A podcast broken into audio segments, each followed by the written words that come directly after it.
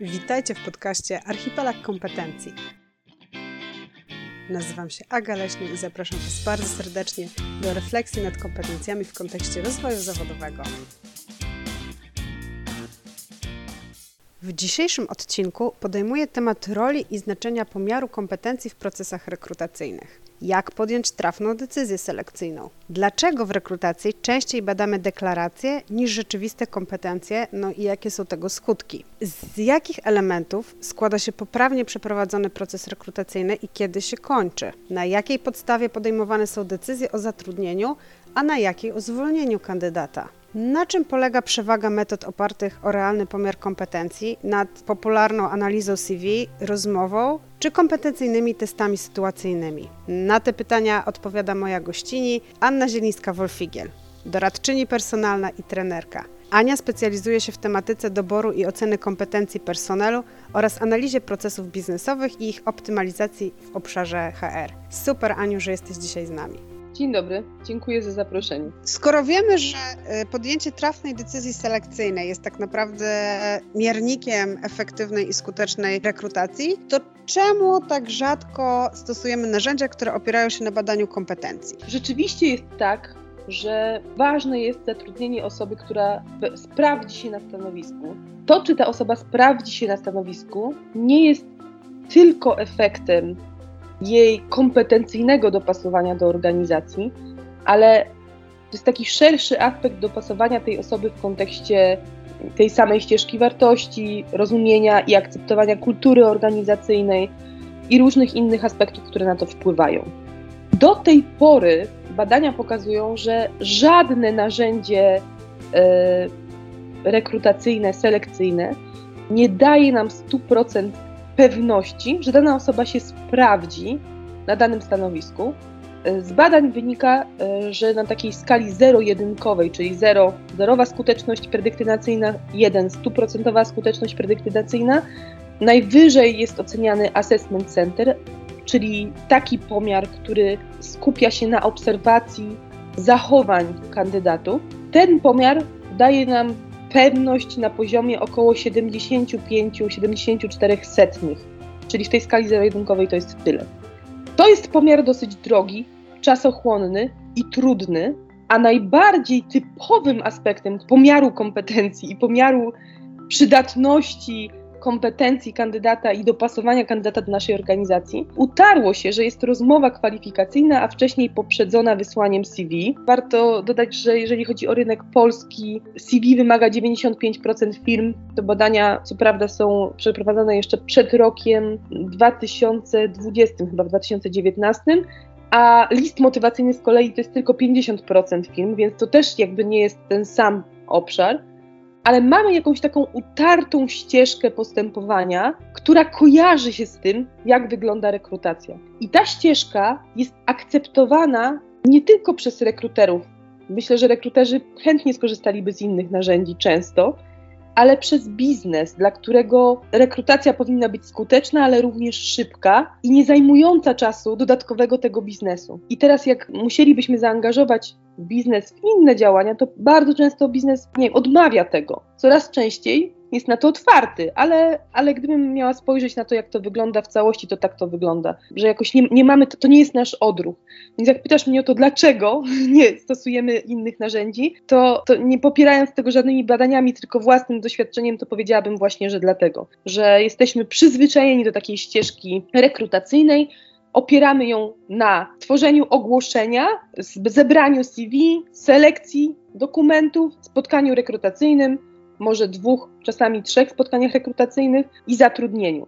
W momencie, gdy proces rekrutacyjny zaczyna się od decyzji strategicznej dotyczącej w ogóle właśnie strategii zatrudniania w organizacji, stworzeniu jasnych ścieżek rozwoju i opisów stanowisk pracy, a wcześniej poprzedzamy to bardzo jasnym korpusem kompetencyjnym, dopiero później sytuacja pokazuje nam, dlaczego poszukujemy tej osoby i powinniśmy zweryfikować ten kontekst poszukiwania w stosunku do opisu stanowiska, tworzenie ogłoszenia albo wybór innej ścieżki pozyskania kandydatów, zaplanowaniem procesu, tego mini procesu rekrutacji, czyli nie wiem, czy to jest spotkanie, czy inne narzędzia, którym, którymi chcielibyśmy naszych kandydatów przebadać i zobaczyć, czy nie pasują nie tylko do stanowiska, ale też do naszej organizacji, zatrudnienie i onboarding.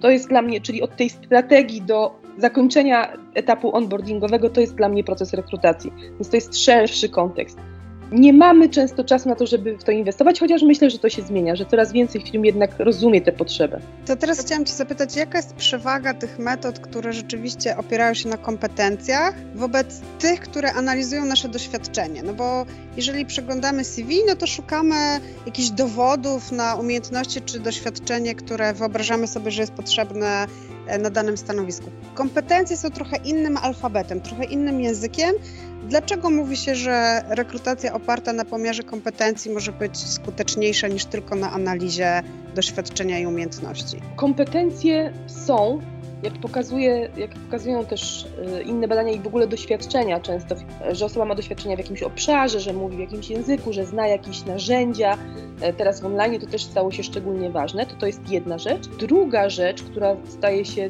dosyć istotna, to jest czy, czy, czy ta osoba jakoś tak, nie wiem, przypadła nam do gustu, czy, nam, czy zagrało, czy zaszła taka chemia, jakkolwiek e, pewnie wielu rekruterów nie lubi tego słowa, ale chodzi mi o to, że mamy takie poczucie, że ta osoba na jakimś poziomie pasuje do nas. Czyli dlatego zatrudniamy. Ale okazuje się, że najczęściej zwalniamy osoby albo osoby się zwalniają z naszej organizacji, dlatego że nie robią rzeczy w sposób, w jaki byśmy oczekiwali, że będą to robić, albo że po prostu nie akceptują tej, tej dynamiki działania naszej organizacji, albo my nie akceptujemy tego, jak oni to wykonują. I jeżeli weźmiemy pod uwagę, że kompetencja, jak my ją rozumiemy, albo jak po prostu rozumieją ją badacze, w takim uproszczonym trochę modelu składa się z trzech rzeczy: z wiedzy, z umiejętności i z postawy, gdzie wiedza jest informacją na temat tego, czy ta osoba wie, co to znaczy mieć te kompetencje, to znaczy, co trzeba wiedzieć, żeby mieć daną kompetencję. Umiejętność, czyli jak to, co wie, wykorzystywać, i postawy, czyli czy w ogóle chce skutecznie i z zaangażowaniem wykorzystywać tę wiedzę i w sposób, w jaki powinna ona być implementowana, no to jak weźmiemy pod uwagę te kompetencje, to wydaje się, że my głównie badamy wiedzę, czyli pytamy ludzi, co wiedzą, ale nie zawsze bada, badamy, jak oni faktycznie to robią. Pytamy, jak to robią, ale to też jest wiedza o tym, jak to zrobić. W tym kontekście mogę powiedzieć, że jeszcze y, w ogóle nie nowe narzędzie, ale teraz dosyć popularne na rynku, czyli popularność takiej metody selekcyjnej E, którą się nazywa testami sytuacyjnymi, inaczej kompetencyjnymi.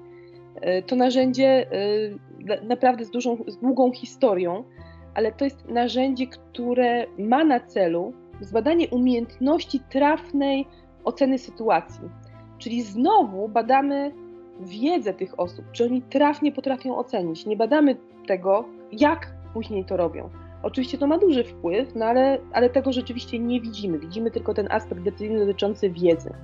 Natomiast badanie behawioralne de facto pokazuje nam nie wprost, na jakim obszarze wiedzy ta osoba się skupia, bardzo pokazuje nam, co robi jakie podejmuje decyzje, ale również pokazuje nam, chociaż jak rozumiem, zawsze w badaniu na to musimy wziąć poprawkę, zaangażowanie do podejmowania tych działań, no bo wiadomo, że w trakcie badania, czy to jest Assessment Center, czy na przykład Archipelago Competence Game, które poprzez grę bada te y, kompetencje, to powoduje, że my no, musimy założyć, że ktoś po prostu chce pokazać, że ma te kompetencje. Natomiast y, jest to też obszar, który możemy zauważyć. Czyli tutaj widzimy przede wszystkim jak, jak ta osoba myśląc, że powinna coś zrobić, faktycznie to robi.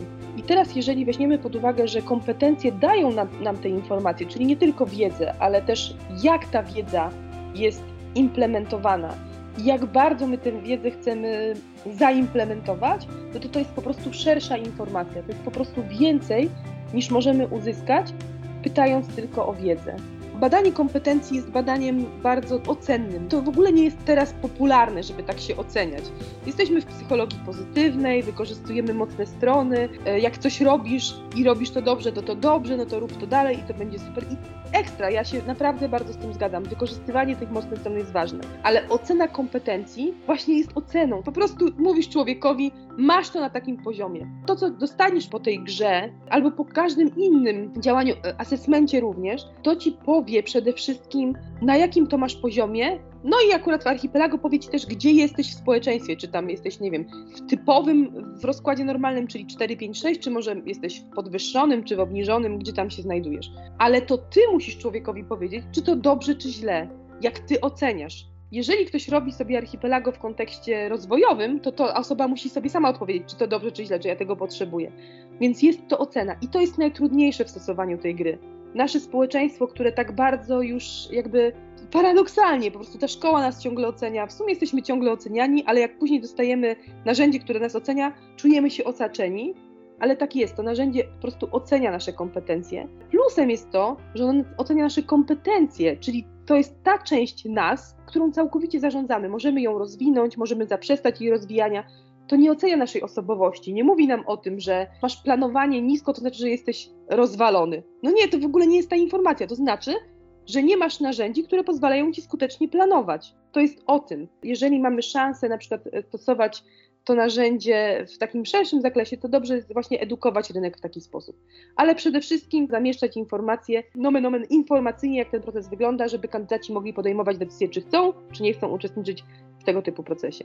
A czy to, że to jest gra, w której nikt mnie nie widzi, która jest nowym środowiskiem, w sytuacji, w której, tak jak mówiłaś, mamy pewne utarte schematy, jak wygląda proces rekrutacyjny. Niektórzy ludzie się uczą na studiach czy na kursach, jak dobrze wypaść na rozmowie.